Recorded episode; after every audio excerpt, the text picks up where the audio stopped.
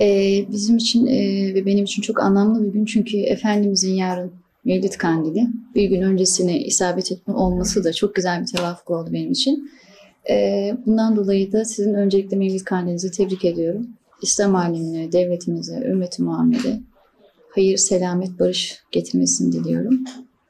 Bismillahirrahmanirrahim. Elhamdülillahi Rabbil alemin ve salatu ve selamu ala Resulina Muhammedin ve ala alihi ve sahbihi ecmain. Ben kısa bir tanıtımı e, yapacağını düşünmüştüm ama bana bıraktın o işi galiba. E, aslında arkadaşımızın da dediği gibi hadisler ışığında sosyal çözülme adıyla tamamladığım tezi anlatmayı planlıyordum. Fakat takdir edersiniz ki bu kısa bir süre zarfında epey bir yakın tutan bir tezi de anlatmak oldukça sıkıntılı olacak. Ki toparlarken zaten sıkıntı çekmiştik epey. O sebeple de biraz e, daraltma amacına yönelik olarak sünnetullah ve hadislerde yer alan ferdi sosyal çözülme örnekleriyle biraz kısaltmak istedim. Tabii bu gene benim hadisimin, e, hadis tez, e, tezimde e, oldukça bir yeküne sahip. Çünkü giriş ve birinci bölümünü neredeyse kapsıyor ki bu da yaklaşık 250 sayfa demek. O yüzden e, mümkün mertebe nokta atışlarla, kısa başlıklarla önemli gördüğüm hususlara değinerek başlamak istiyorum. Neden sünnetullah e, sorusuyla başlayacağım belki.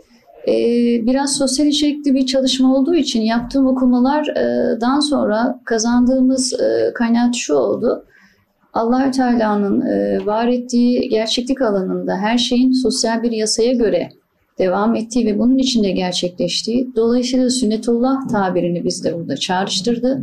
Ve e, devamında da sosyal çözümünün sünnetullah e, içeriğiyle ilişkili ve bağlantılı olduğundan hareketle önce sünnetullahı ardından da e, çözülmenin ne anlama geldiği konusunun doğru kanal e, anlatım olacağını düşündük. O yüzden de burada öncelikle sünnetullah kavramı ve onunla ilgili bazı önemli gördüğümüz hususları belirttikten sonra sünnetullahın üzerinde yasalarının var edildiği ve gerçeklik alanı bulunan toplumla ilgili bazı birkaç e, noktaya değineceğim. Ardından da sosyal çözüme ve Efendimizin bu konuda bize işaret ettiği varsa e, ki oldukça fazla bir e, rivayet e, elimizde mevcut. Onunla ilgili örnekleri sunmaya çalışacağım. Eğer vaktimiz olursa bir örneği de ki benim de tezimi almama sebep olan örnektir. Onu birlikte belki çözümleme şansımız olacak. Şimdi sünnetullah dediğimizde e, sünnet ve Allah kelimesinin birlikteliğiyle Allah'ın sünneti anlamına geliyor ama sadece böldüğümüzde sünnet huy, yol, adet, yüz, kanun, düz yol, tabi olunan yol, takip edilen model manasına geliyor. Veya İslam'dan önceki devirlerde de her yeni davranış, kötü yeni ayrım yapılmaksızın bir davranış biçimi olarak ifade ediliyor. Ancak daha sonraki zamanlarda da bizzat Hazreti Peygamber'in davranışları için kullanılmış. Ee, kısa bir anlamdan e, hareketle sünnet eğer biraz genişçe düşünürsek ilk devir selef Müslümanlarınca benimsenerek dine kazandırılan ameller, değerler ve şekiller şeklinde ifade ediliyor. E, siret ve gidişat anlamından hareketle burada peşi, peşi sıra yapılan e, bir hareketliliği de ifade ediyor. Bu sebeple de bazı alimlerce e, sennel bil, deve veya davar sürdü, süratli ve sürekli bir şekilde deve sürmekle bir davranışı düzenli ve sürekli yapmak arasındaki süreklilik ve düzenliliğe işaret çekiliyor. Aynı zamanda standartlık özelliğinde var olduğu ifade ediliyor. E, sünnetullah Allah'a izafe edildiğinde eğer senle fiiliyle Allah doğru ve uygun bir yol ortaya koydu, açıkladı manasıyla. E, sadece sünnetullah itibariye alırsak Allah'a izafe etmeden devamlı adet, gidilen yol ve alemin nizamında görmekte olduğumuz tabii kanunlar Allah'a izafe edildiğinde Allah'ın hükmü, emirleri ve nehileri milletlerin hayatında ilerlemesinde, gerilemesinde, yok olmasında Allah'ın değişmez kanunlarını ifade ettiği söyleniyor. Tabii eğer biz sünneti her olayın bir değişimi ve tebdili olduğunu söylemiştik ama sünnetullah'ta böyle bir tebdil ve tahvilin olmayışı standartlığı gösterdiği gibi düzenli bir eylemin de varlığını gösteriyor. Bu sebeple de biz orijinal, sürekli değişmeyen, standarda oturmuş, iyi veya kötü bir ayrım yapılmaksızın bir davranıştan hareketle sünneti bu şekilde ifade edersek e, sünnetullah e, bizde Allah'ın öteden beri süre gelen, sürecek olan, kendine özgü, değişmeyen bir davranış tarzı manasında karşılık bulmakta ve Allah'ın tüm mahlukatına karşı sürekli olarak aynı şekilde değişmeksizin devam etmekte olan mizacını, karakterini, doğasını, tabiat ve davranış şeklini ifade ediyor. Buna ek olarak Muhammed Kutup Allah'ın yeryüzünde insanlığın hayatını idare etmek üzere koyduğu buyrukları olarak e, açıklarken Garudi'de peygamberlerin mesajının devamlılığıyla insanların hayatına yaptığı müdahaleler tarihi olduğunu ifade etmekte. Öyleyse biz Allah'ın elçileriyle gönderdiği mesajları kabul veya etmeme durumunda toplumlara karşılık verme metodudur diyebiliriz. Belki ilk etapta e, çocukluğumdan hatırlıyorum tabiat kanunları olarak ifade edilirdi ama sonrasında baktık ki bu sadece tabiat kanunlarını değil sosyal beşeri hayattaki diğer kanunları da içine alacak şekilde genişlemiş bir anlam biriktirdiğine sahip. E, Kur'an-ı Kerim'e ve e, hadisteki kullanımına geçersek Kur'an-ı Kerim'de 16 ayette yer almakta ve sosyal ve insani alanla ilgili olduğu görülmekte ki burada ayetleri vermek istemiyorum. Hızlıca geçeceğim demiştim. Genelde Allah'ın takip ettiği davranış tarzı, Allah'ın yasası, Allah'ın toplumların gelişimi ve çöküşüyle ilgili hüküm ve uygulaması, toplumların cezalandırılması konusundaki Allah'ın değişmez adeti olarak anlam kazandığına dikkat çekiliyor ya da bizim dikkatin nazarımızı bu çekti. E, hadislere geldiğimizde e, Allah ve Resulünün sünneti, Hz. İbrahim'e atfedilen Hulefai Raşidine, Hazreti Ömer'e veya falanın sünneti şekilde bir atıfla ifadeler var. Mana itibariyle çoğunlukla Allah Resulü'nün uyguladığı ve yaptığı herhangi bir durum, Hz. İbrahim veya yukarıda ifade ettiğimiz şahıs ve ümmetlerin uygulamaları, güzel çirkin bir haslet, çığır ve uygulama manasına geldiğini görmekteyiz. Şimdi e, sünnetullah kavramı tabii ki sosyolojik ve tarihsel bir müftevaya sahip olduğu için toplumların yok ediliş ve e,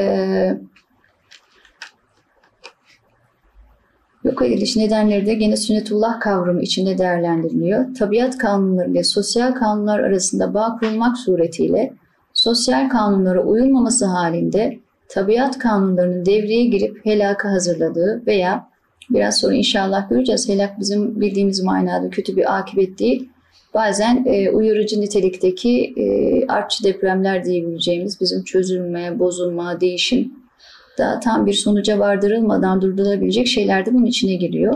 Söz konusu ayetlerde geçen sünnetullahın inanmayanların akıbetiyle ilgili bir tehdit ve uyarı müminler içine tebşir ve teselli niteliğinde Allah'ın değişmesi mümkün olmayan ilahi ilkeli tutumunu fiziki kanunların aksine burayı biraz dikkat çekmenizi isterim dini içerikli insanın bireysel ya da toplumsal hayatına yönelik ilahi prensipleri ifade ettiği görülmektedir.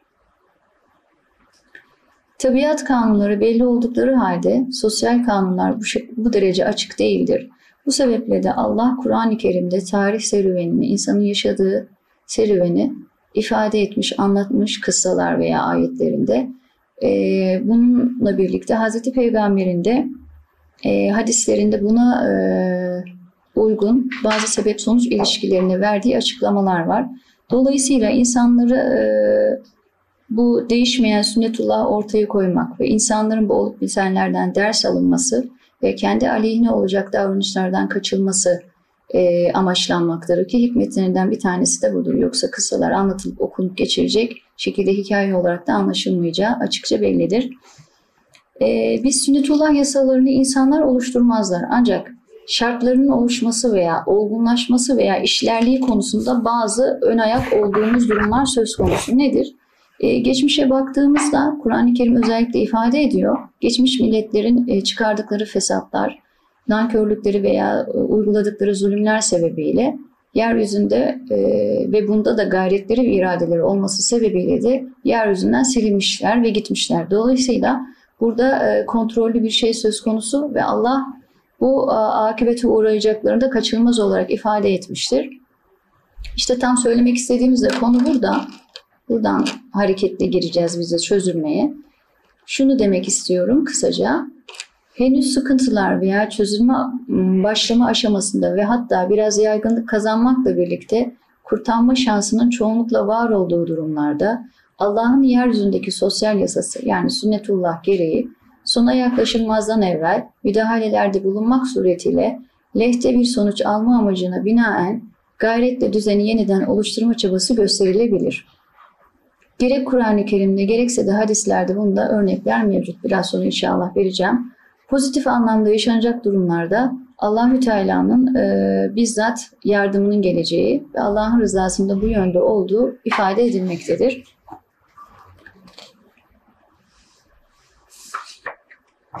Burada e, önemli ifade etmek istediğim bir diğer husus da e, sadece e, bu çözülme aşamasının durdurulması için gerekli olan şartların sadece haklılığın yeterli olmayıp gerekli şart ve ilkelerin de yerine getirilmesinde önemi üzerinde duruluyor.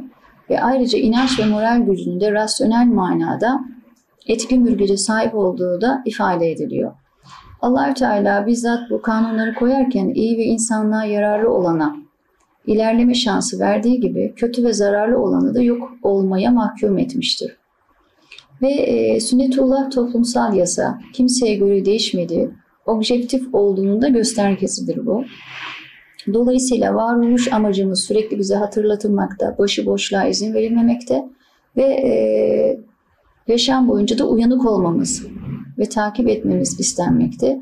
Zira e, kötülüğe bulaşmış ve sapkınlıklarında ısrarcı olanlar, zulümlerine devam edenler e, sünnetullah yasaları gereği bir toleransa tabi tutulmamış ve e, burada yasalar gereği devreye girmek suretiyle gerekli ortam olgunlaştırılmış, şartlar hazırlanmış ve eğer akibet helakla sonuçlanacaksa bu da yapılmış. Yani burada kimseye acıma söz konusu değil.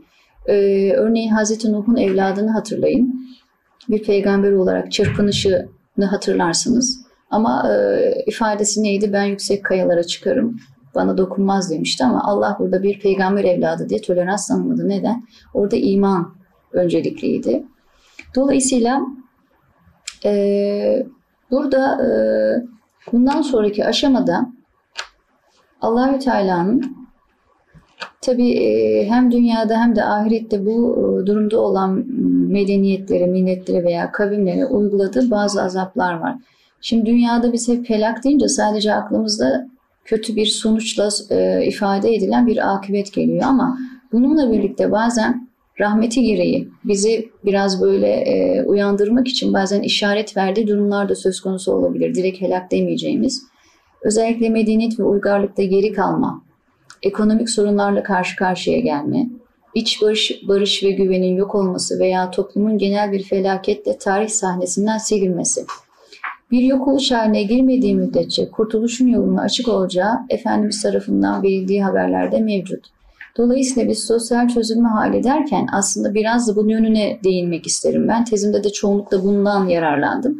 Yani hadisleri ihmal değil, ihmal değil de iman etmek, amel edilir olduklarını ve biz, bize bir şeyler ifade ettiğini göstermek amacıyla sona yaklaşma yolunda emniyet subabı görevini üstlenerek ferdin ya da toplumun yaşadığı çıkmazdan kendisine uzanan bir yardım eli olarak düzlüğe çıkartacak bir fırsat olarak değerlendirebiliriz. Şimdi buna tabii ki bunu söyledikten sonra örnek Kur'an-ı Kerim'de Hazreti Yunus'un kavmi gösteriliyor. Peygamberlerini yalanlamış, inkar etmiş ve zulümlerine devam etmiş olmalarına rağmen peygamberleri yanlarından ayrıldıktan sonra akıbetin işaretlerini görünce ciddi bir dönüş yaşadılar ve bu değişimlerinden sonucunda da akıbet durduruldu ve e, medeniyetleri belki devam etti. Ondan sonrası konusunda bir bilgiye sahip değiliz. Yine Efendimizin kendi hayatına baktığımızda cahili ismiyle adlandırılmış bir topluma gelmişti ki burada Efendimiz 23 yıl boyunca gösterdiği çaba ve gayret neticesinde bizim e, bile şu an gıptayla baktığımız bir medeniyet oluşturuldu. Onun üzerine de inşa edildi. Bir İslam medeniyeti gelişmiş oldu. Dolayısıyla e, sosyal çözülme bizim e, sünnetullah e, çerçevesine değerlendirdiğimizde bir yok oluşu değil de belki yok oluşun e, bize hatırlatacak bir e, Allah'ın yardımı olarak da görebileceğimiz bir mesele gibi geliyor bana. E, şimdi buradan hareketle ben toplum ve onunla ilgili bazı e, önemli hususlara da değinmek istiyorum. Toplum dediğimizde aynı dili konuşan, aynı töreleri paylaşan, az çok aynı duyguları taşıyan ve hemen hemen aynı tutum ve davranış biçimlerini sergileyen sosyal dayanışma içinde bulunan bir sosyal grup, kabile veya kavimdir. İnsan dünyaya geldiğinde ilk çevresi ailesi fakat daha sonra e, yaşadığı mühit yani dolayısıyla toplum ikinci çevresini oluşturuyor. Bir insanın e, doğumu, gelişmesi, değişimi, eğitimi bu toplum içinde oluyor ve bu toplumdaki değişiklikler her ferdi birbirleriyle ilgili ve bağlantılı ve etkileyici sonuçlara götürecek bir e, iletişim e, içinde de olduğunu gösteriyor. Ki bunu Hazreti Peygamber'in bir hadisinde çok güzel ifadesi var. E, şöyle ki e, bir gemi örneği veriyor ve bu geminin üstünde bir kısım insanlar var ve rahattalar diyor. Bir kısım insanlar da altta ve sıkıntıdalar. Alttakiler üsttekilerden su istiyor. Ama üsttekiler vermiyor ya da almaları için müsaade etmiyor. E alttakilerin de aklına kurtuluş e, olarak şu geliyor. Biz gemiyi delelim, suyu alalım. Üsttekilere de sıkıntı vermeyiz.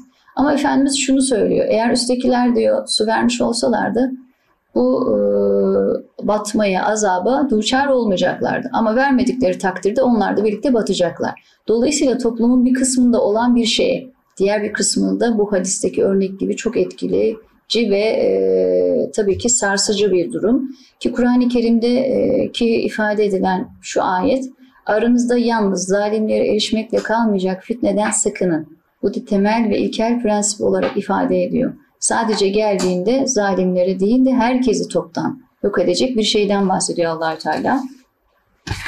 E, toplum tabii ki statik bir yapıya sahip değil, dinamik bir yapıda. Bir yerde düğün varken bir yerde hüzün de söz konusu. Bir yerde savaş varken bir yerde barış da söz konusu. Ama e, böyle zamanlarda e, bazı davranışlar vardı ki ayıraç görevi üstlenir. Mesela 1999 depreminde burada olanınız var mıydı? Şimdi orada bir şey e, dikkatimizi çekmişti ki haberlerde ciddi manada konu oldu. İşte sıkıntı içinde olan insanlara bazılarının yardıma koştu, bazılarına değerli eşyaları almak, çıkarmak değil mi? Onlara sahip olmak için bazı sıkıntılı e, davranışlarda bulunduğuna, hatta işte bazı askerlerin bu konuda vurduğuna dair haberler de vardı. E şimdi bu bir ayıraç görevi ne oldu? Nedir? O toplumdaki bazı kişilerin ahlaki anlamdaki zafiyetlerini göstermesi veya e, o toplumun bazı kesimlerinde bulunan değişim ve bozulmaya da işaret ediyor bu aynı zamanda bakın. Yani e, fark aynı olaya farklı tavır bizim karakterimizin niceliğimizi de göstermesi manasında güzel bir örnek. E, tabii biz doğuştan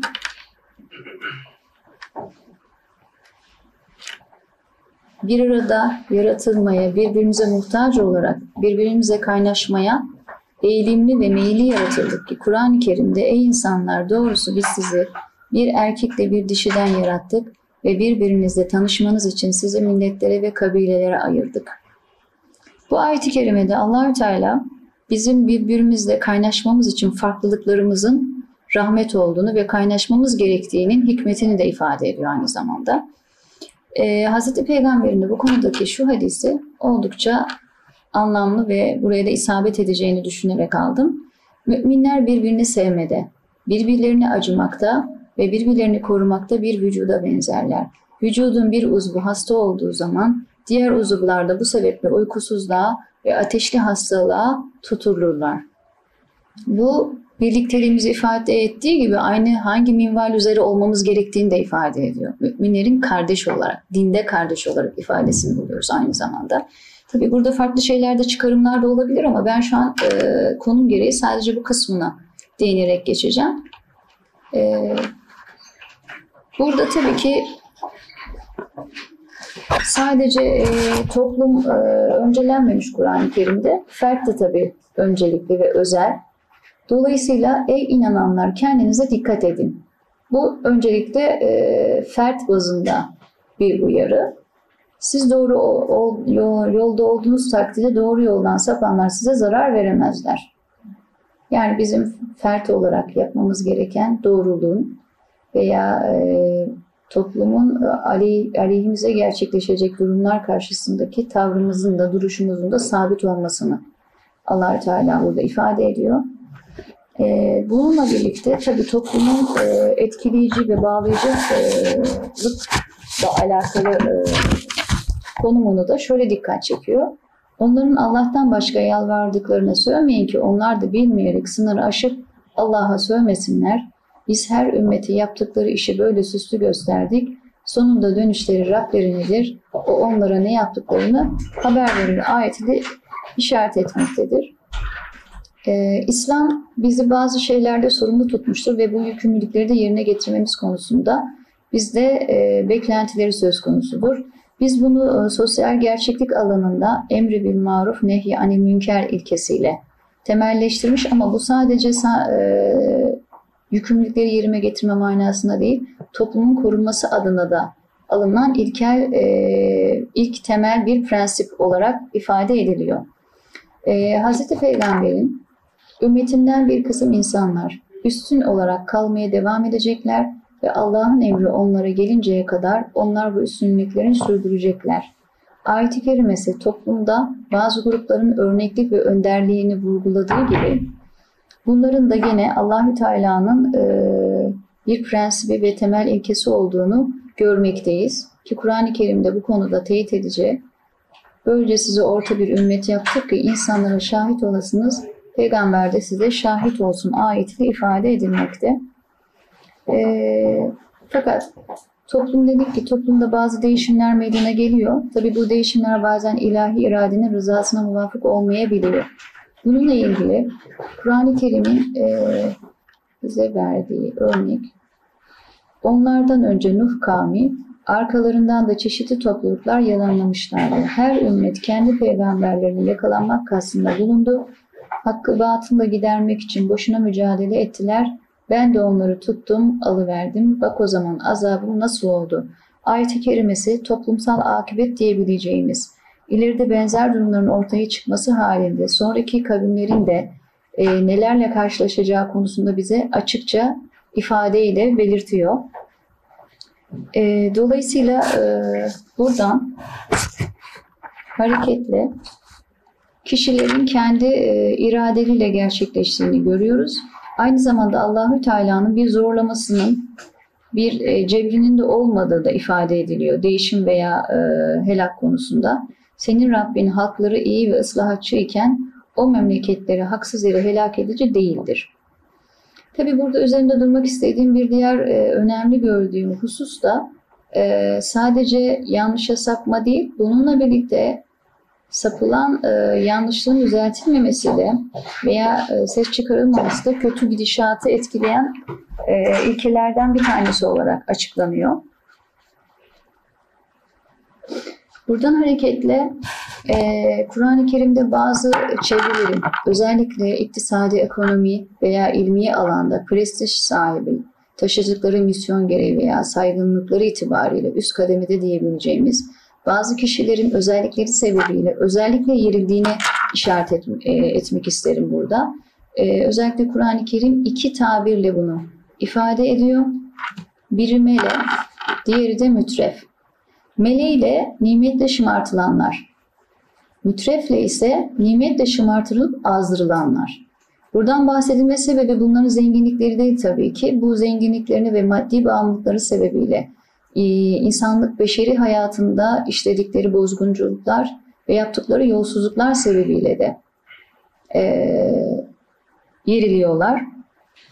E, sosyal çözülme ya geçmeden önce her şey zıttıyla kaimdir ilkesinden önce e, toplumda yer alan sosyal bütünleşme veya bütüncül ilişkilerden bahsetmek isterim.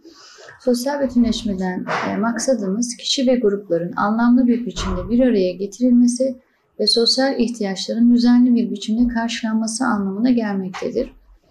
Bu da e, toplumda iki şekilde görüldüğü ifade ediliyor. Tabi bunlar hep sosyolojik kavramlar. Biraz bunlardan da yararlanmak gereği duyduk çünkü. E, fonksiyonel bütünleşme dediğimiz tamamen iş bölümüne e, bağlı bir e, bütünleşme. Burada e, tabii herhangi bir kriz veya e, bir sıkıntı halinde tek başına krizi önleme yetkisine sahip değil. Dolayısıyla bir mana etrafında bütünleşmeyi gerektirici bir özelliğin de olması gerekiyor. Dolayısıyla da bu, bununla da gerçekleştiğinde moral değerlerin etrafında birlikteliği gerektirici kılıyor. Ve bu da kültürlerin birleşmesi gerektiğinin ifadesini görüyoruz. Ee, buna örnek tabii çok uzağa da gitmek gerek yok. 15 Temmuz'da yaşadığımız şey bu bütünleşmenin belki de mana etrafında çok ciddi manada kilitlenmesiyle birlikte tabii başka faktörler de var ama bunu da çok ciddi manada etkili olduğunu düşünüyorum bertaraf edilmesi konusunda.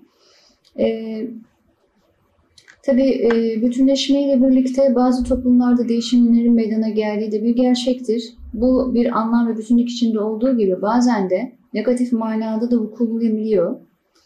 E, bunun da çeşitli sebepleri var. Bazen de e, zamanla bazı sebepler ön plana çıkıyor. E, sosyal değişmeye neden olan sebepler ekolojik değişimler, nüfusun yarattığı değişmeler ya da iklim ve topografide meydana gelen kısa ve uzun vadeli değişmeler etkilidir. Mesela yakın coğrafyamızda bir savaş sebebiyle bakın ne kadar yer değişikliği oldu ve bir değişim gerçekleşiyor aslında. Çok ciddi bir değişimle karşı karşıyayız ama bunu herhalde olayın işinden ya da zamanın içinden çıktığımız zaman daha iyi fark edeceğiz. Şu an içinde olduğumuz çok bir farkında değiliz belki de. Ee, Kur'an'da toplumların da tıpkı e, bireylerde olduğu gibi değişim kanunları tabi olduğundan bahseder ve e, bu değişimde nihai karar yaratma manasında Allahü Teala'ya ait olmakla birlikte sorumluluk bağlamında topluma ait olduğunu ifade eder ki toplumun iradesinden kastı da toplumu oluşturan fertlerin her birinin karar ve tercihlerini oluşturuyor. Ee, sosyal çözülmeye dönmek istersek bu bir anda olup biten bir şey de değil. Bir sürece ihtiyaç var, bir zamana ihtiyacı var. Ee, kısaca bütünleşmenin olmadığı veya şartlarının sıkıntıya girdiği, sağlıklı bir şekilde yürümediği zaman da çözülmenin başladığını söyleyebiliriz. Toplum içerisinde var olan ve ona toplum niteliği kazandıran kurum ve grupların ahenkli uyumundaki bozukluğu ifade eder. Biraz eğer açmak istersek ki hadislerimizde bu konuda e, güzel örnekler sunacağız inşallah. Bir topluluğu meydana getiren sosyal ilişkilerin bütünlüğü bozacak şekilde gevşemesi, bir toplumu ayakta tutan inanç ve değerler sisteminin etkinliklerini yitirmesi, sosyal kurumların ve yeni norm ve manevi değerlere uyum, uyum sağlayamaması, bir toplumda maddi ve manevi kültür unsurlarının bir araya gelerek bir anlam ifade edecek ve işleyen bir bütün meydana getirecek tarzda birbirlerini tamamlayamama hali olarak karşılık bulmakta. Tabii daha önce de ifade ettiğim gibi çözülmeden kastımız hemen bir anda e, yokluk sahnesine girmemiş veya yeryüzünden silinmemiz değil, peyderpey olan bir şey olduğu için bu konuda e, bazı e, filozoflar veya toplum bilimcileri de henüz olgunlaşmadan belirli bir seviyedeyken durdurulabileceği kanaatindeki ben de o kanaatte olduğumu söylemiştim daha önce. Şimdi e, toplum içinde farklı şekilde temayüz ettiğine e, dönersek İlk etapta tabii ki bireyli başlayan bir çözülme söz konusu. Bu çeşitlerinden bir tanesi. Bu da insan olarak var olmanın anlamı ile bu bilincin gerektirdiği davranışlar ve diğer insanlarla olan ilişkilerdeki uyumsuzluğu ifade eden ferdin psikolojik durumundan bahsetmekte olmayıp sosyal bir varlık gerçek bir varlıkta fertle gerek kendi diğer fertlerle gerekse sosyal gruplar arasındaki kopuşu ifade ediyor. Ancak bu durumda olan bir kişinin kendi psikoloji üzerinde de etkisinin olduğunu da söylemeden geçemeyeceğim. Hazreti Peygamber'in bu konudaki e, yalan üzerine verdiği, ki bize de münafıklık alameti olarak ifade eder bir rivayetinde, şöyle bir hadis var. Bir insan yalan söylediğinde söylediği yalanın pis kokusu yüzünden melek ondan bir mil uzaklaşır. Şimdi malzem bir uzaklaşmadan bahsediliyor ama toplum alanında biz bunun sosyal bir tezahürünü de görüyoruz. Nedir? Bu tür insanlardan herkes nefret ediyor ve kesinlikle bir daha ilişki kurmak istemiyor. Aldatılmak istenmediği için. E, veya Efendimizin başka e, bir başka hadisinde ifade ettiği bir kişinin övüldüğünden bahsedilir. Bir topluluk içinde evin güvenilir, latif, zarif bir insan var denilir. Ama Hazreti Peygamber diyor ki bu söylenen kişinin aslında kalbinde zerre miktarı hardal tanesi kadar iman bulunmaz. Burada yalanla imanın bulunmayacağının işaretini veriyor aslında. Fertte başlayan bu sıkıntının toplumdaki tezahürü biraz önce ifade ettiğim gibi bizden kaçınılması olacak. Veya e, Huzeyfe radıyallahu anh'tan gelen bir rivayet yukarıda bir şeylerden bahsediyor ve en son diyor ki e, ben daha önce Hristiyan olsun, Yahudi olsun, Müslüman olsun herkesle alışveriş yapabiliyordum. Ki Hristiyan ve Yahudilerin işte hahamları veya başlarındaki din alimleri bana güvensizlik telkin etmemeleri konusunda uyarırdı. Yani emin davranırlardı, güvenirdim onlara. Ama şu an öyle bir devre geldim ki bir ikisini de sayıyor. Şunlardan ve şunların dışında kimseyle bir iş yapamıyorum. Ki bu saydıkları da Müslümanlar.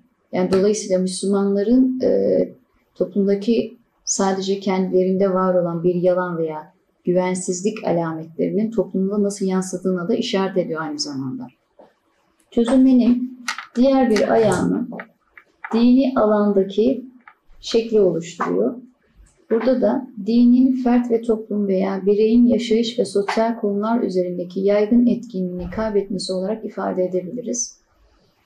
E, tabii burada sadece dinin e, etkinliği değil, mahiyeti ve iş manasıyla da alakalı, içinin boşaltılmasıyla alakalı bir tehdit söz konusu aslında burada. Özellikle Efendimizin bu dinden olmayan bir takım şeylerin ilave edilmesiyle ilgili uyarıları, irtidat olaylarının bir zaman gerçekleşeceğini ifade etmiş olması, yine daha önceki konuşmamda ifade ettiğim müminlerin ayırt edici özelliği olan iyiliğe ve güzele yönlendirme, kötülükten sakındırma faaliyetlerinin gerçekleştirilemeyeceğinin, geleceği bir zamanın e, ifade edilmiş olması hep bu başlık altında toplayacağımız örneklerden. Birkaç tane daha eğer vermek istersem, işte dinle ilgili ameli boyutta yaşanacak olan sıkıntılar sebebiyle e, elinde dini hassasiyetleri yaşamak isteyenin sanki elinde bir ateşten cemre taşıyacak kadar sıkıntıya gireceğinden bahsediyor. Bu hadis hem yaşayan hususunda kişilerin belki azlığını ifade ediyor ama aynı zamanda engellerle karşılaşacaklarını da bize işaret eden bir hadis olarak e, temayüz ediyor. E, çözülmenin diğer bir ayağı aslında dinle de bağlantılı olmakla beraber ahlaki alanda bir çözülme. Bu da ahlakın dinden ayrılmasıyla başlamakta. Dinden ayrılan ahlak, sosyal ahlak anlayışına bürünmekte, kişinin başkalarının hayatına müdahale etmeyen özel hayatındaki ahlak kavramının ortadan kalkması manasına gelmekte ve ferdi boyuttan ayrılarak sosyal adalete öncelik veren bir yapı haline dönüşmekte. Mesela çok absürt bir örnek olacak ama bunu verirsem daha iyi anlaşılacağını düşünüyorum. Cinsel fantezileri olan birilerinin olduğunu düşünüyorum. Bu sapkın veya gayrimeşru olarak da değerlendirilsin topluma yansıyan bir suç işlemediği takdirde ahlaksız olarak değerlendirilmeyecek. Yani bu ciddi bir sıkıntı. Bu aynı zamanda dinle de bağlantılı olduğunu gösteriyor. Hz. Peygamber'in helal ve harama bakılmaksızın, nereden geldiğine bakılmaksızın kazanç elde edileceği zamanlardan bahsediyor olması ahlaki anlamdaki anlayışın da dejenere olduğunu işaret ediyor. Veya e, insanlara aşırı cimriliğin atılacağından bahsediyor. Bir başka e, hadisinde de en çok korktuğu şeyin nefsaniyet yarışına girişeceğinden ifade buyuruyor Efendimiz. Yani bununla belki birbirimizin sonunu getireceğimiz bazı olaylar yaşayacağız. Bunu bize uyaran bir nitelikte ifade ediyor. Hazreti Peygamber'in hadisine baktığımız zaman bazı durumlarda şunlar şunlar başına gelecek demiyor. İfadelerinde bazen şu da var. Şunları olmasından korkuyorum. Bu aynı zamanda olabileceğinin de işaretini verdiği için güzel e, bir örneklendirme olduğunu düşündüm. E, diğer bir ayağın iktisadi ekonomik alandaki çözülme. Burada da ekonomik kurumun ahenkli işleyişine yardımcı olacak görevlerin yerine getirmemesi durumu var. Örneğin bir ülkede yüksek enflasyon, kronikleşmiş ve sürekli artma eğilimi gösteren işsizlik, gelir dağılımındaki adaletsizlikler, insanların üretim ve tüketimle ilgili kalıpları, sermayeye karşı tutumları, kalite ve karlılık arasındaki ilişkiye bakış, defter tutma alışkanlıkları, zamanında sözlerini yerine getirme ile ilgili alışkanlıkları, bir iş disiplinini oluşturduğu gibi aynı zamanda bir ahlak ve zihniyet dünyasında bize hatırlatıyor. E, Efendimizin bu konudaki e, hadisleri tabii ki çok ama bir iki tanesine eğer değinmek istersem koskoca bir piyasada güvenilir bir katibin bulunamayacağı bir zamandan bahsediyor. Bu ahlaki olduğu kadar sosyal alanda ve iktisadi alandaki geldiğimiz durumu da göstermesi açısından önemli. Yine başka bir hadisinde birkaç özellik saymış ki bir tanesi de şu, ölçü ve tartıyı eksik yapan her millet, mutlaka kıtlıkla, geçim sıkıntısı ve başlarındaki hükümdarın zulmüyle cezalandırılır buyuruyor. Ki Efendimizin e, ticaretle uğraştığını hepimiz biliyoruz ki peygamberliğinden önce. Ve e, onunla ilgili Mekke'nin fethinden sonra kendisine ticaret yaptı ama gayrimüslim olarak yani müşrik olarak kalan şahısla karşılaştığı zaman Efendimizin ne kadar emin ve güvenilir olduğunu yad edecek. Hatta bu konuda Efendimizin bir de şu hadisi vardır hepimizin bildiği. Ee, birinden birinden borç almıştır. Vermek üzere anlaşmışlardır belli bir zaman için. Efendimiz oraya gider o kişiyi beklemeye başlar. Ve üç gün geçer o kişi gene gelmez. Efendimiz üç gün boyunca onu bekler. Döndüğünde de Efendimizin kişiye tek söylediği bizi sıkıntıya soktun cümlesidir. Şimdi onu alıp günümüze uyarlamak istersek borç alan borcunda ne kadar sadık? Vermek isteyen üç gün bekler mi? Yani bunların hepsini tartmamız gereken bir örnekliği olduğunu dikkat çekmek isterim. Ee, siyasi ve idari alandaki ayağını da şu şekilde açıklamakla e, kısaca belirtmek isterim. Bürokraside gözlenen artış, rüşvet, adam kayırma, usulsüzlükler, devlet adamlarının bulundukları konuma görevleriyle alakalı yetki ve ehliyetsizlikleri, devrim ve ihtilaller yanında adaletsiz uygulamalar, terör ve savaşın artış göstermesi, askeri alandaki güç kayıpları, yönetsel ahlaki ilkelerin uygulanmaması bu başlık altında görebileceğimiz kısma giriyor.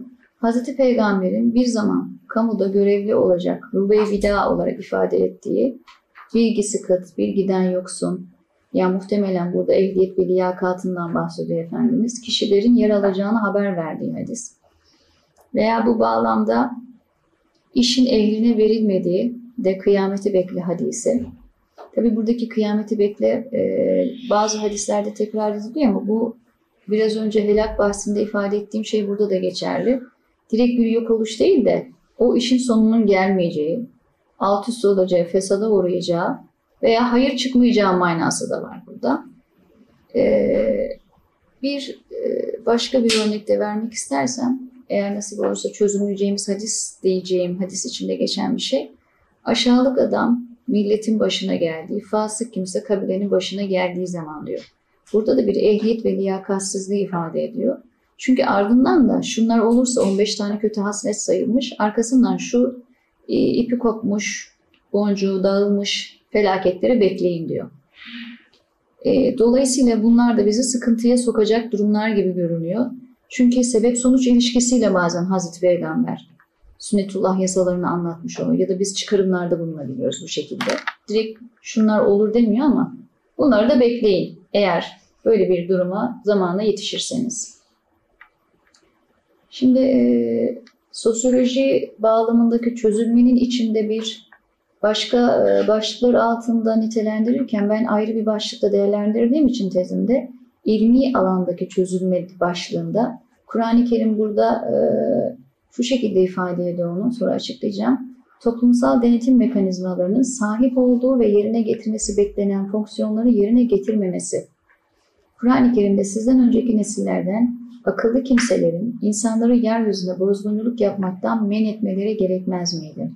Fakat onlar arasında sadece kendilerini kurtardığımız pek az kişi böyle yaptı. Zulmedenler ise kendilerine verilen refahın peşine düşüp şımardılar ve suç işleyen insanlar olup çıktılar. Burada aklı başında akıllı kimseler diyor değil mi? Ben bundan işte şimdi bilim insanı diyor, ilim adamları veya buna dini liderler veya insanların kanaat önderi olarak belirlediği kişileri de dahil etmek istiyorum. Dolayısıyla bunların toplumdaki etkisi ama bununla birlikte eğer e, kötü bir akıbete eğer sebep olacaklarsa getireceği, getir, e, sürükleyecekleri toplumun e, miktarı da hem çok fazla olacak hem de o kadar yıkımda fazla olacak. Şimdi e, burada e, belki erken bir örnek olacak ama bu 15 Temmuz'da yaşadığımız şeye sebep olan dini içerikli bir çözülmeye örnek verebileceğimiz bir şey bakın.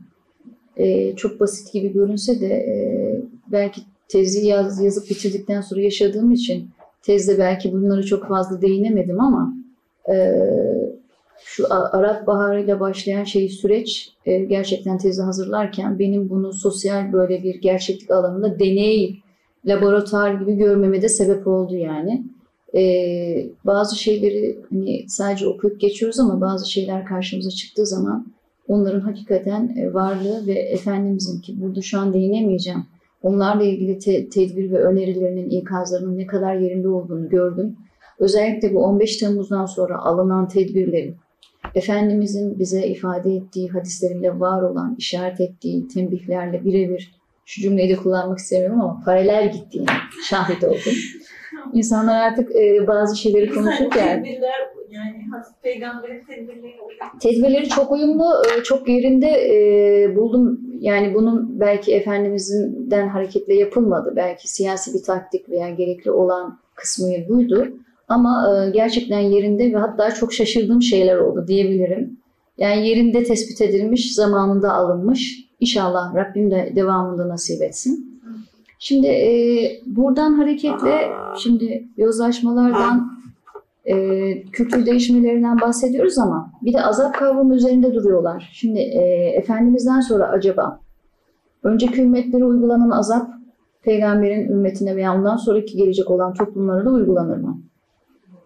Burada bazı görüşler var. Kültürel yozlaşma ve çözülmenin de baş gösterdiği toplumlarda bir kültürel helakın gerçekleşeceği ifade ediliyor. Kimi zaman da cezanın gerçekleşip gerçekleşmemesinin ortaya çıkması, yani burada e, toplumlar alacağı tavra göre de bir mühlet olayının söz konusu edildiğini görüyoruz. Ki ayet-i kerimede eğer Allah insanları zulümleri yüzünden hesaba çekseydi yeryüzüne kımıldayan tek canlı bırakmazdı. Fakat Allah onları belli bir vakte kadar erteler, müddetleri, ecelleri geldiği zaman onu ne bir saat erteleyebilirler ne de öne alabilirler buyruluyor. Şimdi e, daha önce ifade ettik toplumların iradeleri geçerli ama Allah e, toplumların değişme mekanizmasını da gene kontrolünde bulunduruyor. Bu iki farklı şekilde de değerlendirebileceğimiz bir ayet. Şüphesiz bir kavim kendi durumunu değiştirmedikçe Allah onların durumunu değiştirmez. Yani şartlı bir değişim var. Kişinin iradesi var ama değişimi gene gerçekleştirecek, buna müsaade edip izin verecek olan yine bizzat Allahü Teala'nın kendisi. Ee, şimdi buradan e, şöyle bir sonuca varıyoruz. Daha önce de ifade ettiğim gibi Kur'an-ı Kerim ve hadislerde helak veya bununla ilgili bazı kavramlar var. Çözülmeye hemen hemen denk gelen, isabet eden veya bazı şekliyle ifade eden kavramlar. Bir iki tanesine değineceğim. Bunlardan ilki helak, helaki sülasi köküyle insanın kendisini hüzün ve sıkıntılara kaptırıp bu sebeple dünyayı küsmesi, kendini perişan etmesi, mahvetmesi, bela ve musibetlerle karşılaşması işte çözülme dediğimiz kısım buraya biraz dahil oluyor. Normal ölüm, kötü bir şekilde ölmek, bir şeyin dünyadan aniden yok olması, bir şeyi faydaları olmaktan çıkarma, bu da çözülmenin e, manası içinde yer alıyor. İsim olarak kullanıldığında ise bir şey tesadüf, ettik. O da alçak karakterli, aç gözlü, obur yemeğe oburca üşüşen, yani ahlaki seviyede de aşağı olanların helakla ve sosyal çözülmeyle de bir bağlantısı var. Kelime olarak buradan işaret ediyor. Kur'an-ı Kerim'de 9 değişik kalıpta 68 yerde geçmiş. Bir şeyin başkasından bulunmasına rağmen senin elinden çıkıp gitmesi, kaybolması, zahir olması, bir şeyin şekil değişikliğine uğratarak ifsad edip boz, bozup yok etmek, ölmek veya öldürmek, bir şeyin dünyadan yok olması, varlığının ortadan kalkması, azap ederek öldürme, korku ve fakirlik. Şimdi hadislerde ise helak kelimesi işi zora sokma, kendi işini zorlaştırma, bozmak, fesat çıkarmak, ceza olarak azaba çarptırılma, zulüm ve sonuç manasında kullanıldığını görüyoruz. Bu manada kullanılan diğer bir kelime özellikle bu ziyadesiyle geçiyor. Fitne.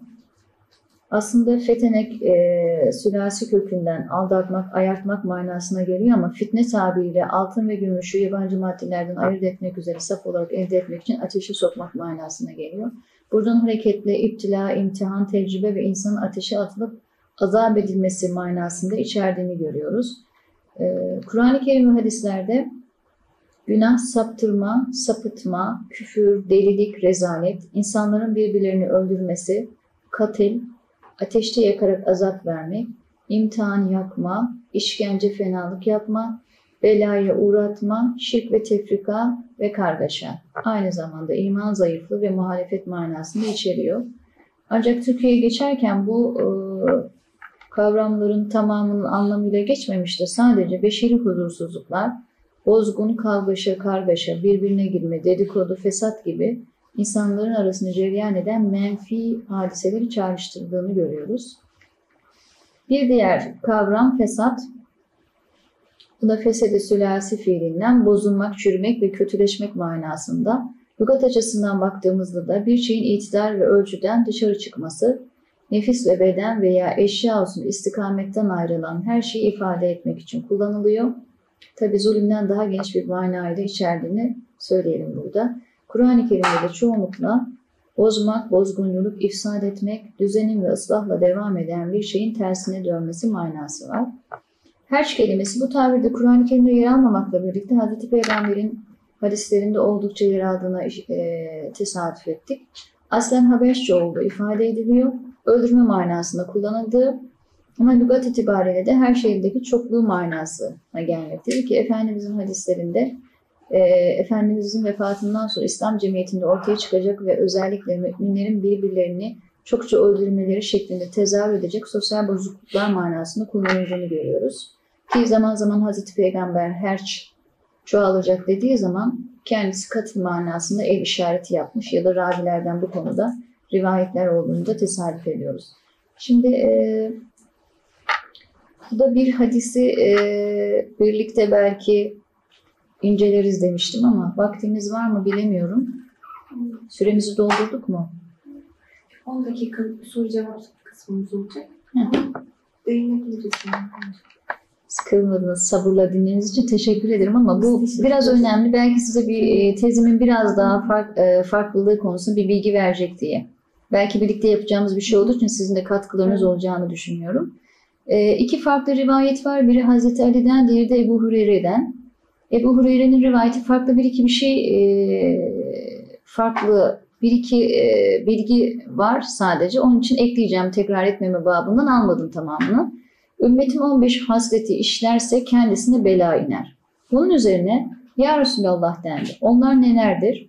Buyurdu ki manem yani ganimet, kazanç, kredi, kar, belirli muayyen kişiler arasında devrettiği, emanet, kelepir ve zekat cereme sayıldığı, kişi hanımına itaat edip annesine karşı geldiği, burada biraz herhalde duracağız, ve arkadaşına e, karşı iyi olup babasına cefa ettiği, mescitlerde gürültüler yükseldiği, aşağılık adamın millete lider olduğu, şerrinden korkularak kişiye ikram edildiği, şarap içildiği, ipek giyindiği, şarkıcı kızlar alındığı, çalgı aletleri kurulduğu ve ümmetin sonu evveline lanet okuduğu vakit, işte o zaman bir kızıl rüzgar veya yere batmak veya kılık değiştirmek gibi bir bela beklesinler.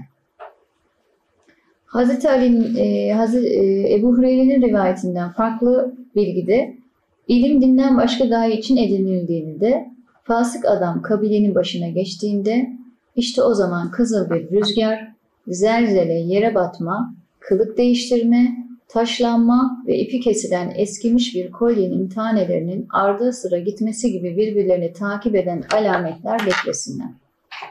Şimdi biraz önce ifade ettiğimiz her bir alanla ilgili farklı bir bozulmanın, çözülmenin diyebileceğimizin işaretleri var.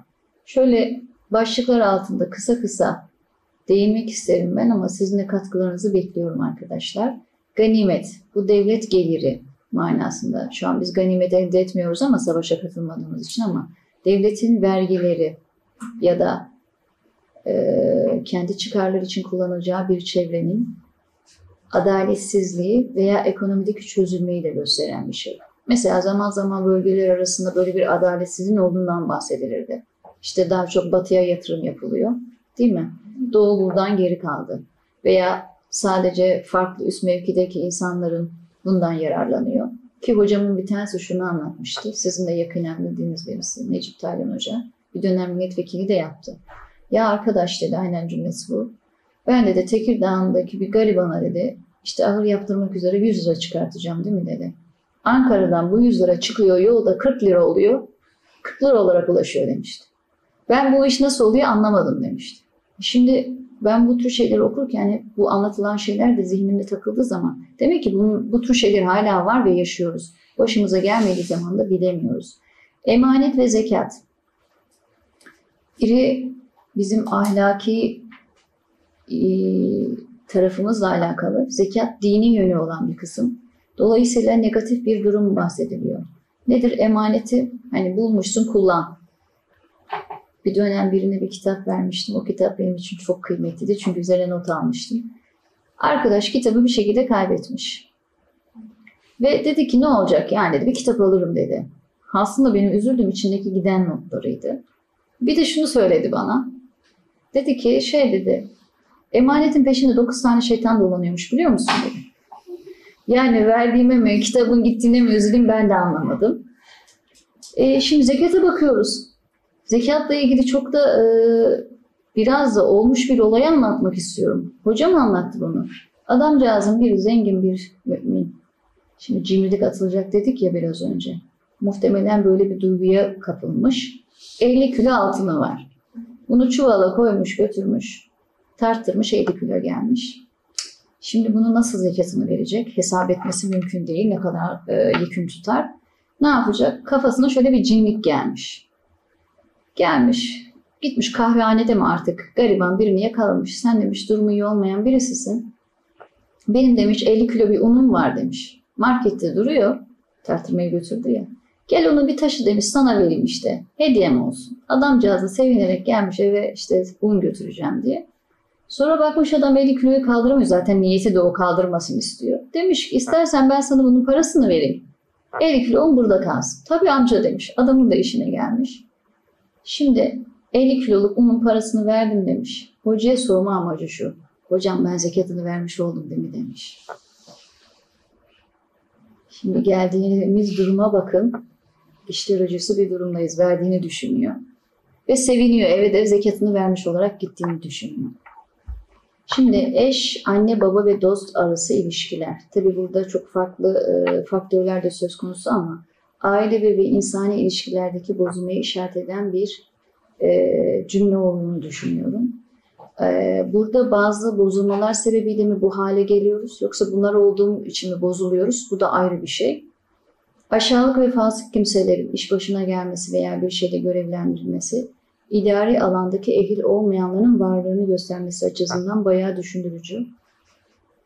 Şerrinden korkulmasından dolayı kişiye ikram edilmesi diye geçiyordu. Bu da sosyal ve toplumsal alandaki bozulma, menfaat ilişkisi ve ahlaki bir zihniyetin geldiği alanı göstermesi açısından da önemli.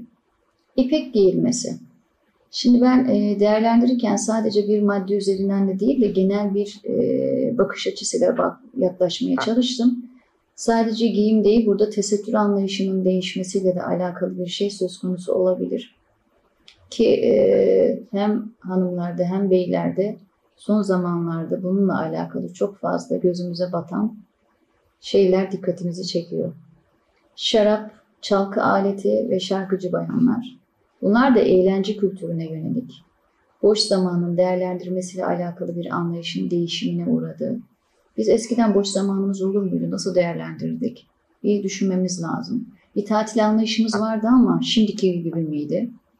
Yani hep bir değişim tamam. Toplum değişiyor. Ona ayak uydurmak gerekiyor ama İslami hassasiyetlerin ve sınırların da korunması gerektiği ne düşünüyorum bu konuda.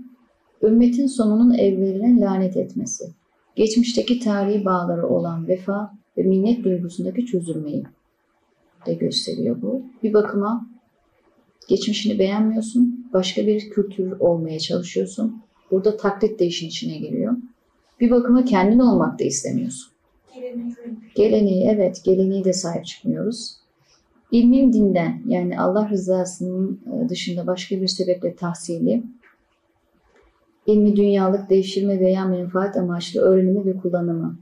Mesela bu atom bombası acaba e, bulunurken atom bombasını bulalım diye mi yapıldı?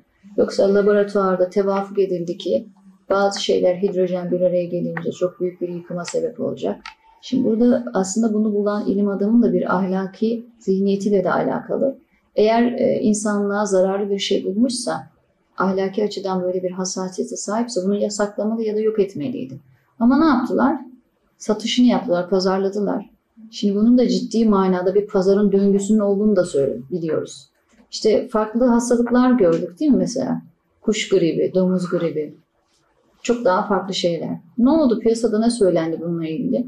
İşte ilaç firmalarının bazı ilaçları satma adına ya da buldukları ilaçları e, ziyadesiyle kazanç elde etme kapısı açmak üzere böyle bir şeyin de uydurulduğunu anlat. Ha hakikati var mı onu bilmiyorum. Araştırılması lazım. Ama böyle bir soru işareti kafamda hep dönen bir e, daim devam eden bir şey. Şimdi bunların yaşanmasından sonra Efendimizin söylediği kızıl rüzgar beklesinler. Şimdi bunların her biri dikkat ederseniz yukarıdakiler hep toplumsal alanla alakalı bir şey ama karşılaşacağımız şey tabiat kanunlarıyla alakalı. Hani bizim söylediğimiz söze de geliyor. Tabiat e, eğer sosyal gerçeklik alanındaki yasalara uygula, e, uyulmazsa, bozulmalar baş gösterir ve belli bir alana doğru devinim gösterirse tabiat kanunları devreye girerek sonucu olgunlaştırır veya gerekli e, sonu, akıbeti hazırlar demiştik. Şimdi bu şekilde de anlayabiliriz veya Efendimiz bazen e, temsili, misali şeylerle de benzeterek anlatıyor. Bu şekilde de ele aldığımızda bir fikir akımı ya da toplumu etkileyen sarsıcı bir durumun baş göstereceğini, yere batmada yok olma, kendileri olmaktan çıkma, özel vasıflarını yitirme durumu söz konusu olabilir. Kılık değiştirme, insani özellik veya vasıflardan çıkma. Suret değişiklikleri, yaratılış değişiklikleri. Tabi burada başka faktörler de yer alır. Zelzele dediğimiz, bu tabi kanunlarda olduğu gibi depremde olabileceği gibi toplumu derinden sarsan olayların vuku bulması manasında anlaşılmasına mani bir durum söz konusu değil.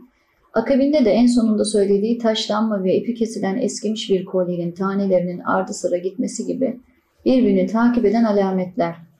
Şimdi burada da devamlı olacak irli ufaklı, derin ve yüzeysel, az çok bir sıkıntı, bir kaos veya kargaşa ortamının varlığını veya bu durumları gerektirici olayların vukuunu da haber verdiği konusunda bir işaret olduğunu düşünüyorum.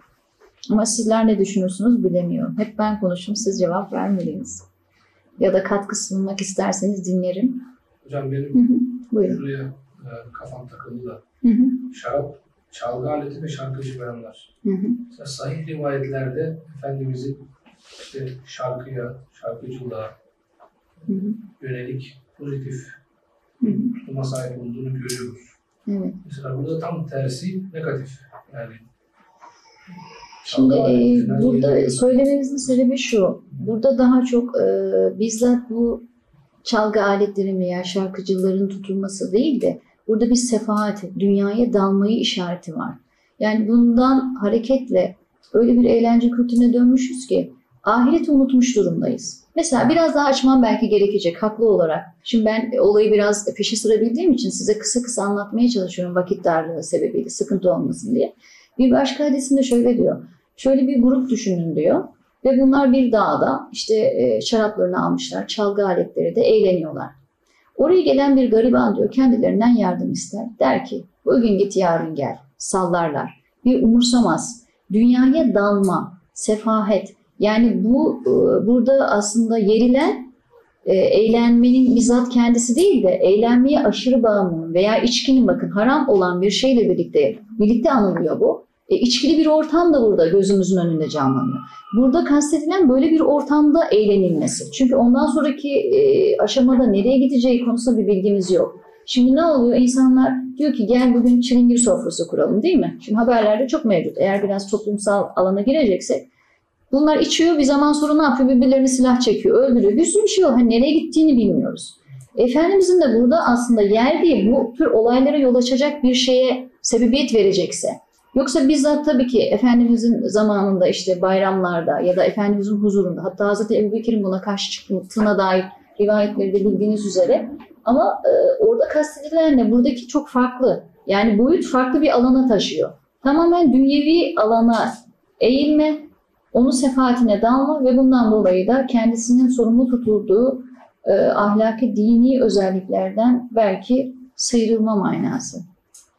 Aslında belki de e, o Enes Hocam'ın dikkat çektiği e, husus yani, e, sizin de tespitinizle birlikte iki yönlü anlaşılabilir. Yani bir tanesi o e, evet çünkü Aleyhisselatü Vesselam böyle e, meşru dairedeki o eğlenceyi teşvik Evet. ettiğini görüyoruz.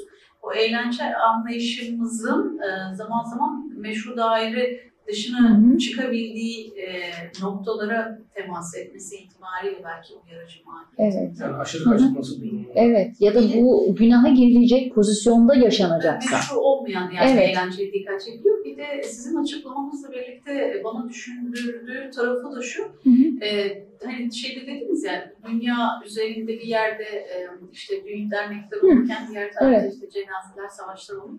Bu, bu ikisi de zaten beraber de e, gitmeli. Biri diğerini unutturmamalıyı Tabii. da biraz belki hı, düşünüyor. hı Yani e, bir taraftan e, o, o Yani şimdi şöyle düşünün. Halep'te şu an sıkıntı var değil mi? evet. Hani hangi birimiz eğlence ortamında çok fazla eğer böyle bir hassasiyete sahipsek veya ya hemen yanı komşumuza bir cenazenin kalktığını düşünelim. Yani bilmiyorum herhalde kursağımızda kalır. Ben öyle düşünüyorum. Hani e, dediğiniz gibi buna da işaret olabilir ama e, şundan hareketle belki e, sadece dikkatimi orada yoğunlaştırdım. 15 tane kötü haslet denildiği için. Şimdi kötü olması burada bir günah veya buna götürücü bir yola sebebiyet vermesi hasebiyle ele aldım. Yoksa dediğiniz gibi bizzat kendisi kötü değil. Bizzat yapıldığı için kötülenmiş de değil. Başka bir şey yol açtıysa, haram dairesinin sınırına girdiyse orada sıkıntı çıkıyor. Tabii en baştaki örneği düşünürsek mesela ganimet. İyi bir şey aslında. Hı hı. Ama e, onu doğru kullanılmadığında adaletsizliğe Sizlik. Konuda başka söyleyeceğiniz bir şey varsa ben sonlandırmak isterim. Sabrınız için teşekkür ediyorum. İlgi alakanız için teşekkür ediyorum. Bir Ha, buyurun. Değil mi? Tabii ki buyurun lütfen. Ben hani sorulmayacak diye kapatmaya ge- geçtim ama özür dilerim. sünnetullah ifadesi Kur'an-ı Kerim'de geçiyor. Hı hı. Ee, bunun manalarından bir tanesi de Allah Celle Celaluhu'nun kainata koymuş olduğu değişmeyen yasalar olarak Hı hı. anlıyoruz. Peki e, sünnetullah kavramını mucize kavramıyla beraber düşündüğümüzde neler söyleyebiliriz? Mesela sünnetullah'a göre, işte Allah'ın yasalarına göre ateş yakar. Ama mucize olan bazı şeylere bakıyoruz. İşte İbrahim Aleyhisselam ateşe atılıyor, ateş yakmıyor. İşte başka bir örnek, ölen bir kişi tekrardan geri gelmez. İsa Aleyhisselam ölen bir kişiyi diriltiyor vesaire. Yani aradaki bağlantıyı nasıl e, Şimdi e, aslında o da e, biraz sünnetullah içinde gerçekleşen bir şey. Ne dedik? Hani dedik ya kişilerin iradesi ve Allah'ın buna rızası. Ve gene onun kontrolünde dedik. E, mucizenin de mucize olmasının bir sebebi de hani insanların e, olağan dışı insanları bir anda şok eden veya beklenmedik bir anda olan bir şey. Mucizevi tarafı bu tarafta. Hani sünnetullahın dışına çıkılmış oluyor mu? Bu, açıkçası bu konuda biraz e, araştırma yapılması gerektiğine de inanıyorum. Teşekkür ederim değindiğiniz için. Ama Allah'ın koyduğu yasaların gereği gene Allah burada kendi mekanizmasını yani kendi kontrolünde gerçekleşen bir şey olarak ortaya çıkıyor. Çünkü peygamber e, kendiliğinden istemiş veya işte o istediği için olan bir şey değil. Allah diyor ki Hz. Musa'yı hatırlayalım. İşte elindekini asanı at. Allah orada kendisi veriyor. Yani o da gene Allah'ın yasasının içinde değerlendirilecek bir durum. Ama tabii ki e, belki daha farklı e, yolları sizin dediğiniz gibi daha kelami boyutuyla da ele alındı daha farklı yolları da girebileceğini düşünüyorum. Ki ben e, tezime bunda değinmediğim için çok fazla da bir şey söylemeyeyim. Yanıtmak da istemem. Bu konuda değinmedim. Değinmediğim için de bilgim yok çok fazla. Ama e, güzel bir noktaya değindiniz. Belki gözümden kaçan bir şeydi bu. Buna da belki değinebilirdik mucizeyle ilgili olarak. Ben bir şey sorayım.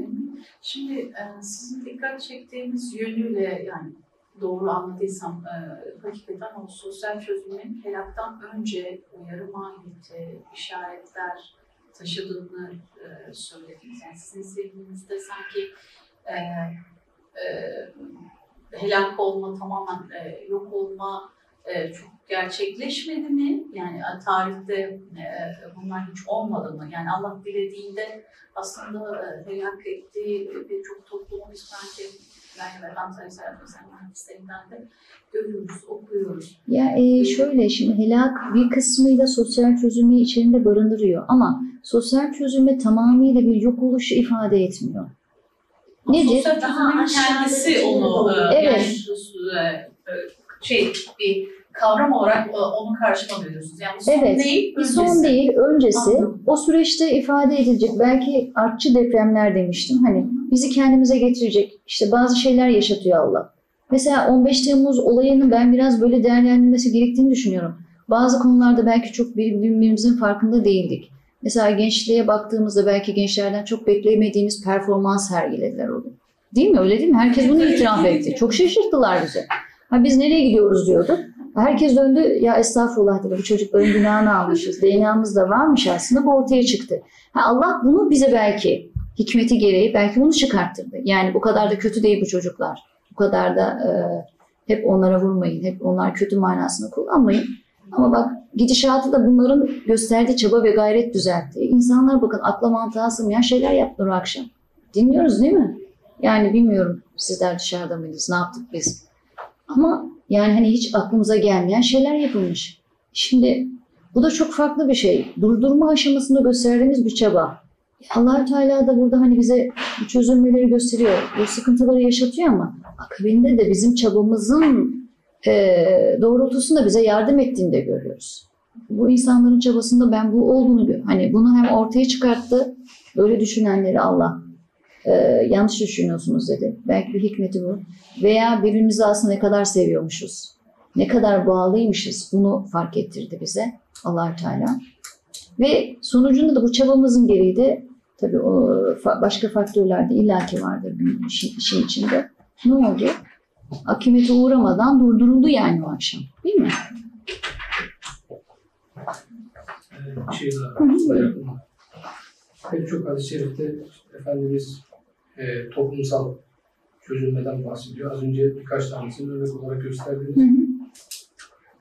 Ee, bunlar sizce Efendimizin toplumu okuyarak e, vardığı şahsi fikirleri midir? Yoksa arka planında e, vahiy var mıdır? Ya da Allah Celle Celaluhu'dan gelen bir ilham. Neticesinde bunları söylemiş olabilir. Bunlar Şimdi e, biz Kur'an-ı Kerim'e ve hadislere baktığımızda Efendimiz Kur'an-ı Kerim'le birlikte kendisine bazı şeylerin de verildiğini ifade ediyor. İşte hikmet oldu veya daha farklı şekilde yorumlananlar var. Ben e, şöyle düşünüyorum, yani bu benim şahsi görüşüm veya edindiğim kanaat gereği. Efendimiz bir e, tebliğ faaliyetinde ve bir nübüvvet e, göreviyle görevlendirilmiş ve Allah'ın terbiyesiyle yetiştirilmiş. Belki bu öngörüsüyle aldığı eğitim, rahmani bir eğitim diyeyim ben buna. Onunla belki ileride e, olacak toplumu değerlendirdiği, gidişatından gördüğü veya Kur'an-ı Kerim'den öngörüsüyle tespit ettiği şeylerden hareketle ki çünkü bir başka hadis var. Belki onu size okumam gerekirdi. Tezin başında vardı. Her peygamber kendi e, toplumunu başına gelecek akıbetler hususunda uyarmakla görevlendirilmiştir diye ki Hazreti Nuh'u özellikle örnek gösteriyor. Ben de bu konumdayım diyor ve devam eden bir açıklamaları var. Şimdi bundan hareketle öngördüğü, tespit ettiği ki biz normalde sıradan insanların bile belirli bir işte temayüz ettiğinde ha, bunun arkasından şu gelir diye bir fikir beyan ettiğini biliriz. E, Efendimiz de vahiy almış bir peygamber. Yani onun öngörüsü sıradan bir insanınkinden çok daha isabetli, daha farklı olacaktır. Ve çevresinde yaşadığı mesela e, cahiliye döneminde daha peygamberliğinden önce yaşadığı, gördüğü bir sürü tecrübe var. Ve bundan sırf kaçınmak için Hira Dağı'na çıkıyor. Şimdi orada ne yapıyor? Yani toplumun e, düzlüğe çıkması için bir e, zihinsel bir e, düşünceden geçiyor. Hani bunu bazen şöyle de değerlendiriyor, değerlendiriliyor. Peygamberliğe sındırıldı, peygamberliğe alıştırıldı. Ben şunu da katmak istiyorum. Peygamberlik okumasını yaptırdı Allah oradan. Yani toplumu değerlendirme imkanı da belki buldu. Hani orada yaşadığı şeyler konusunda sadece işte Cebrail Aleyhisselam'ın geldiği ve te- tebliğ faaliyetinin başladığı ilgili belki bilgiler var ama oraya bir kez gitmemiş ki Efendimiz değil mi? birçok kez gitmiş. Acaba ne yaşadı, neler düşündü? Yani bu konuda çok bir kaynaklarda bilgimiz yok ama ben o süre zarfında da ki uzlet tercih edilmesi özellikle bazen bu konularda tavsiye ediliyor zihni açması için değil mi? E, sosyal dünyanın kargaşasından çekilmek istiyorsanız işte dağ başlarına gidin. Bu konuda tavsiyeler de var. Veya böyle bir fitne olayları olduğu zaman uzaklaşın gidin. Hem kafanız rahat olur hem siz fitne fesadın içinde bulunmamış olursunuz. Kargaşaya dahil olmazsınız. Efendimiz bunu kendisi gözlemledi ve böyle bir öngörü, böyle bir peygamberi bilgiden hareketli de söylemiş olabilir. Veya belki bazıları karşı çıkacak ama allah Teala'nın uyarısıyla da bizi uyarıyor olabilir. Yani hiçbir şey söyleyemeyeceğim, net bir şey yok burada. Ama e, peygamber olduğu için bu bilgiye sahip olabileceğini düşünüyorum ben. Niye sıradan bir altın bozdurmaya gidiyor değil mi? Sahtesiyle e, gerçeğini nasıl ayırıyor? Biz ayıramıyoruz mesela. Ki öyle de dolandırılan insanlar var. Değil mi? E, sıradan bir dünya işi için bu kadar e, bir kişi ehliyet sahibi kesbediyorsa, ehliyet kazanıyorsa Allah Resulüne ben ehliyet kesbettiğine, kazandığına inanıyorum. Ki şöyle diyor çünkü bir hadisinde siz benim bildiklerimi bilseydiniz değil mi? Az güler çok ağlardınız diyor. Hani bunu buraya teşmil edebilir miyiz? Bilemem. Ama buraya da uygun olduğu için söylemek istedim. Dolayısıyla bizim bilmediğimiz çok şey var demek ki. Efendimiz bunu da ifade ediyor. Ben tezi yönetimiyle alakalı bir şey soracağım. Hı hı. Yani konuyla alakalı. Ee, araştırma yaparken nasıl bir yöntem izlediğimizle alakalı. Çünkü mesela şu an seçtiğimiz hadisler için e, klasik kaynaklara baktığımızda sosyal hayatı barındıran yani bu tarzda kitaplar yok. Siz burada seçerken nasıl bir yöntem izlediniz? Nereden başladınız? Merak Ya aslında çok zorlandım burada. O yüzden uzun süreli bir şey de oldu açıkçası. Ee, önce e, dedim ki Fiten ve Melahin bölümleriyle bir başlayayım dedim ama sonra baktım ki başka bölümleri yani benim hiç ilgisini düşünmediğim bölümleri de atıflar var. Şurada geçti, burada geçti diye. E, o zaman bu sefer mesela yani Ha ya birçok yerde var ve salat, abdest bahsinde bile geçenler var. Aa, o zaman benim bunu baştan almam lazım dedim. Bütün kütüb-ü sitteyi baştan bir okudum. Sonra baktım o yükün bayağı gidiyor. Tabii ben e, durmadım dedim ki Darimi'yle okuyayım, Muvatta ile okuyayım. Hadi Ahmet bin Hanbel'i de başlayayım ama 8 cildine kadar geldim. Baktım bitmeyecek ki çok daha zengin şeyler çıkacak. Hoca dedim, hocam da dedi ki yani Hatice bizim bunu bir yerde sınırlandırmamız lazım. Sen bunun altından bir sürü şey çıkacak. Ki sonra ben kütüb-ü sitteyle sınırlandırmış olmasına rağmen yani dedim bunun altından aslında bir sürü birkaç tane e, test çıkabilirmiş. Acaba başka bir bölümünü sadece bir kısmını mı alıp çalışsaydım diye de düşündüm. Ama e, tabii e, şöyle de bir şey var. E, farklı kaynaklarda belirli başlı bazı şeylerin alındığını, işlendiğini ama böyle dini içerikli, özellikle Kur'an-ı Kerim, özellikle hadis bağlantılı hiçbir kaynağa denk gelmedim. Sosyolojide birçok yapılmış çalışmalar var ama dini kaynakları dayanılarak yapılmış hiçbir çalışmaya rastlamadım. Belki bir iki tane karşılaştırma, tahriş amaçlı bir iki hadisle alakalı bir şey vardı. Ama toplamına e, hiç denk gelmedim. O yüzden epey zorlandık. Çünkü neden? Bir yönden baktığınızda sebep ve tezahür gibi görünen bir şey, hani biraz önce şu ailevi ilişkilerle alakalı dediğimde, hani bozulduğu için mi böyleyiz yoksa böyle olduğu için mi bozulduk? Ya da sonuç mu? Bu konuda bayağı sıkıntı çektik. Hocalarla bayağı böyle e, mücadelemiz oldu. Ha, şöyle mi olur, böyle mi olur? E, sonucunda da bayağı hani nihayetine erdirdik ama tabii e, dışarıdan birilerinin de okuduğunda hani şurada aslında şunu da bahsetseydim daha iyi olurdu. Veya hocalarımın o dönem şöyle yapalım dediğinde ama şu yaşadığımız olaylardan sonra aa keşke yerinde kalsaymış, şöyle olsaymış dediğimiz yerler de oldu. Dolayısıyla hani e, biz yaparken sosyal toplumdaki değişmeler devam ediyor E, ve bazen de buna yetişemiyorsunuz. E, dolayısıyla kütüb-ü sitteyle sınırlandırdık. Onun okumaları bittikten sonra şerhlere baktık ama hepsininle ilgili değil bazı belli başlı hadisler içinde. O da biraz vaktimizi aldı. Yani yaklaşık iki yılıma mal oldu diyebilirim sadece okunması. Ondan sonra da e hadi sosyal içerikli biraz da sosyoloji, psikoloji. Aa bakın başka şeyler de giriyor. Çünkü Efendimizin hadisleri o kadar çok fazla ki. Sonra şimdi o zaman saymamıştım ama şimdi geçenlerde bir sayayım dedim. Vaktim oldu. 2200'e yakın hadis var. E biz bunu nasıl toplamışız? E ben bu kadar kullandığımı bilmiyordum. E belki içinde bir iki tekrarda geçmiş olabilir veya benim eksik bıraktığım da olabilir. Bayağı da fazla bir yüküm tutuyor.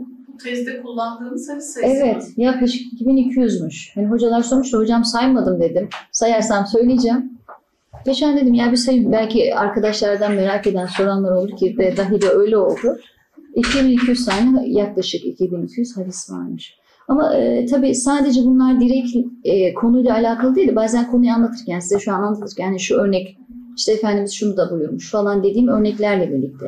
Yoksa direkt e, sadece bu konuyla alakalı hadis 933-950 civarı. Hı hı. O bile çok fazla. Ne kadar becerdim bilmiyorum ama inşallah benden sonra gelecek arkadaşlar daha güzel çalışmalara sebep olur, kaynak olur, vesile olur. Biz de Efendimizin huzurunda mahzun ve mahcup etmeyiz, olmayız inşallah. Ben son bir soru, Hı hı. sorabilirim. Çok vaktinizi Çok aldım. estağfurullah. Şimdi e, e, yani e, ilk başta biraz sosyal çözmeyi siz e, tanımlarken belki e, zihnim orada kaldı. Hı hı. E, işin açıkçası bazen böyle dediğiniz gibi işte sosyoloji, psikoloji, siyaset muhtemelen bunların hepsiyle ilgili çok ciddi okumalar yaptınız. hı. E, o alanları e, girildikçe de e, belli tanımları doğrudan oradan alıp kullanmak da böyle e, e, biraz bir tehlike arz ediyor ama şimdi e, sizin tanımladığınız sosyal çözümde de böyle bir hani sebep sonuç ilişkisi çok e, e, baskın gibi geldi bana. Yani sünnetullah kavramıyla da onu e, izah ettiniz. E, tam da yani e, Enes Hocam'ın da dikkat çektiği gibi ben de e, şunu düşünüyorum. Yani e, hakikaten biz topluma baktığımızda her zaman işte eğer çaba gösterirsek olumluya, eğer biz bozulursak da hep e, e, olumsuz e, bir e, noktaya geliriz gibi e, böyle çok determinist bir bakış açısıyla yaklaşmamız mümkün mü? Bu kadar çok rivayetin e, içerisinde e, bu e, şeye hazineye de sahipken. Yani hep böyle midir? Yok şimdi insanlar orada kendi- belki atladığım bir şey sen iyi ki hatırlattın teşekkür ediyorum. Orada e, şunu söylemem gerekirdi ki aslında buradaki notlar notlarımda da vardı muhtemelen atladım. Mutlaka iyiden iyi kötüden de kötü çıkmaz. Şerrin içindeki hayrı saklılığını, hikmetini Allah biliyor. Bazen de hayrın içinden şer çıkabiliyor. Her zaman böyle de bakmıyoruz tabii.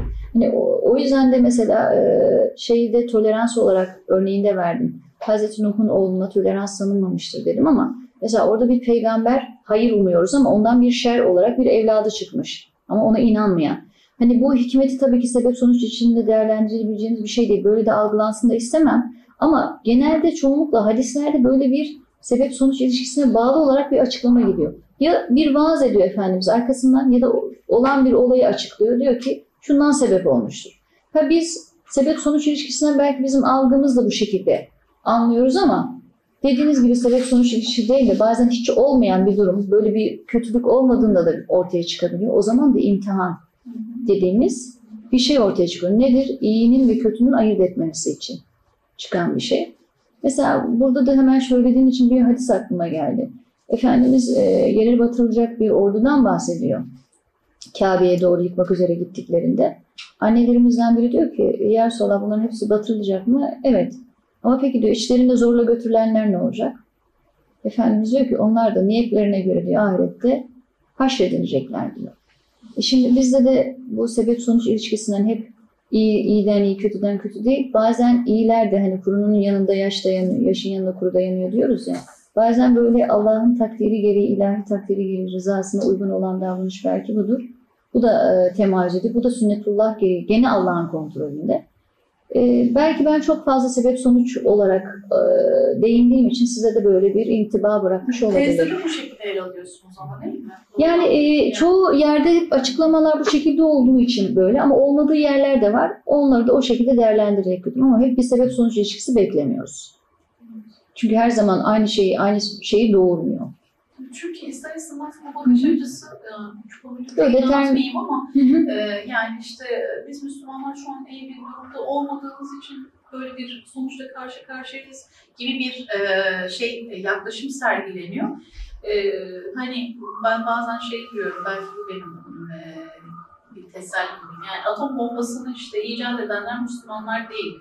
E, nihayetinde e, hani Allah da bize Kur'an-ı Kerim'de yani siz evet dünyada e, hep e, işte yani en zengin de siz olacaksınız, en refah içerisinde yaşayacak olanlar da sizler olacaksınız. Böyle bir vaadi yok yani e. Allah'ın. Biz iyi olsak da e, yani kul olma noktasında iyi olsak da imtihan edileceğimizi doğal olarak ya bu sefer o sebep sonuç ilişkisi mümkün olmuyor. Yani iyi insansınız, Evet. iyi Müslümansınız ama biz Hep başınıza e, niye bu belki geliyor? de işte hep e, e, mazlumlar e, konumunda kalabileceğiz. Yani Hı hı. ee, İslam hani gösterdiği bir ideal, insanlara yaklaş, Müslümanlara yaklaştırmaya çalıştığı bir şey var ama bir taraftan da aslında e, o kadar çok imtihana sanki dikkat çekiliyor ki e, biz gayretten sorumluyuz e, hı. ama o gayretin Sonucun e, ne olacağı sonucu konusunda bir şey fikrimiz yok. Ama Allah işte o gayretimizi istiyor. Evet. evet Yani kader gayreti aşık deniliyor ya. Yani orada gerçekten o gayretimizin hangi yönde olacağı konusuna göre şimdi şöyle düşünelim. Yani bir üniversite öğrencisi okula girmek için çalışıyor, çabalıyor. Değil mi? Kazanacağını bekliyoruz. Ki yaşanmış bir hikaye bu. Benim de çok e, üzüldüğüm bir hikayedir. Çocuk kaydırma yapmış ki dereceyle bitirdiği birisi. Gelmiş ki eksilerde puan. Şimdi aile bunu diyor ki hadi bu, bunun yurt dışında okumasına sebep oldu. Bak güzel bir şey gibi görünüyor. Amerika'ya gidiyor. Fakat orada bir trafikte birine bir ters işte önüne geçtiği için kornaya bastığı için o da kornaya basıyor niye geçtiniz diye. Ama tabii gangster gibi insanlar orada tabii. Çocuğu çekmişler kenara boynunu koparmışlar, kırmışlar ve öldü çocuk. E şimdi aile diyor ki biz çocuğumuza hayır olsun diye gönderdik şer çıktı. Şimdi hani bunu da çok hesap edemiyoruz. Çünkü kaderin ne getireceğini bilmiyoruz. Hani bundan sorumlu değiliz. Sonucun ne olduğu konusunda sorumlu değiliz. Bizden beklenen sadece iyi olma, uyanık olma, yaratılış amacımızı unutmamak. Evet, hani bu toplumda da mümkün. Yani e, şey tebaasının iyi olduğu bir e, topluma Tom, e, tamamının toplumun evet hükümdar da Evet. e, hani Allah müsaade Evet. edebiliyor bütün toplumda. Evet. Yani bunu da çünkü görüyoruz hadislerde. Kastım o. Yani hadislerde her iki yönde sanki bir şey, e, ikisi beraber sünnetullah oluyor. Evet. E, benim zihnimde sanki. evet evet. Yani Allah'ın imtihanı da burada.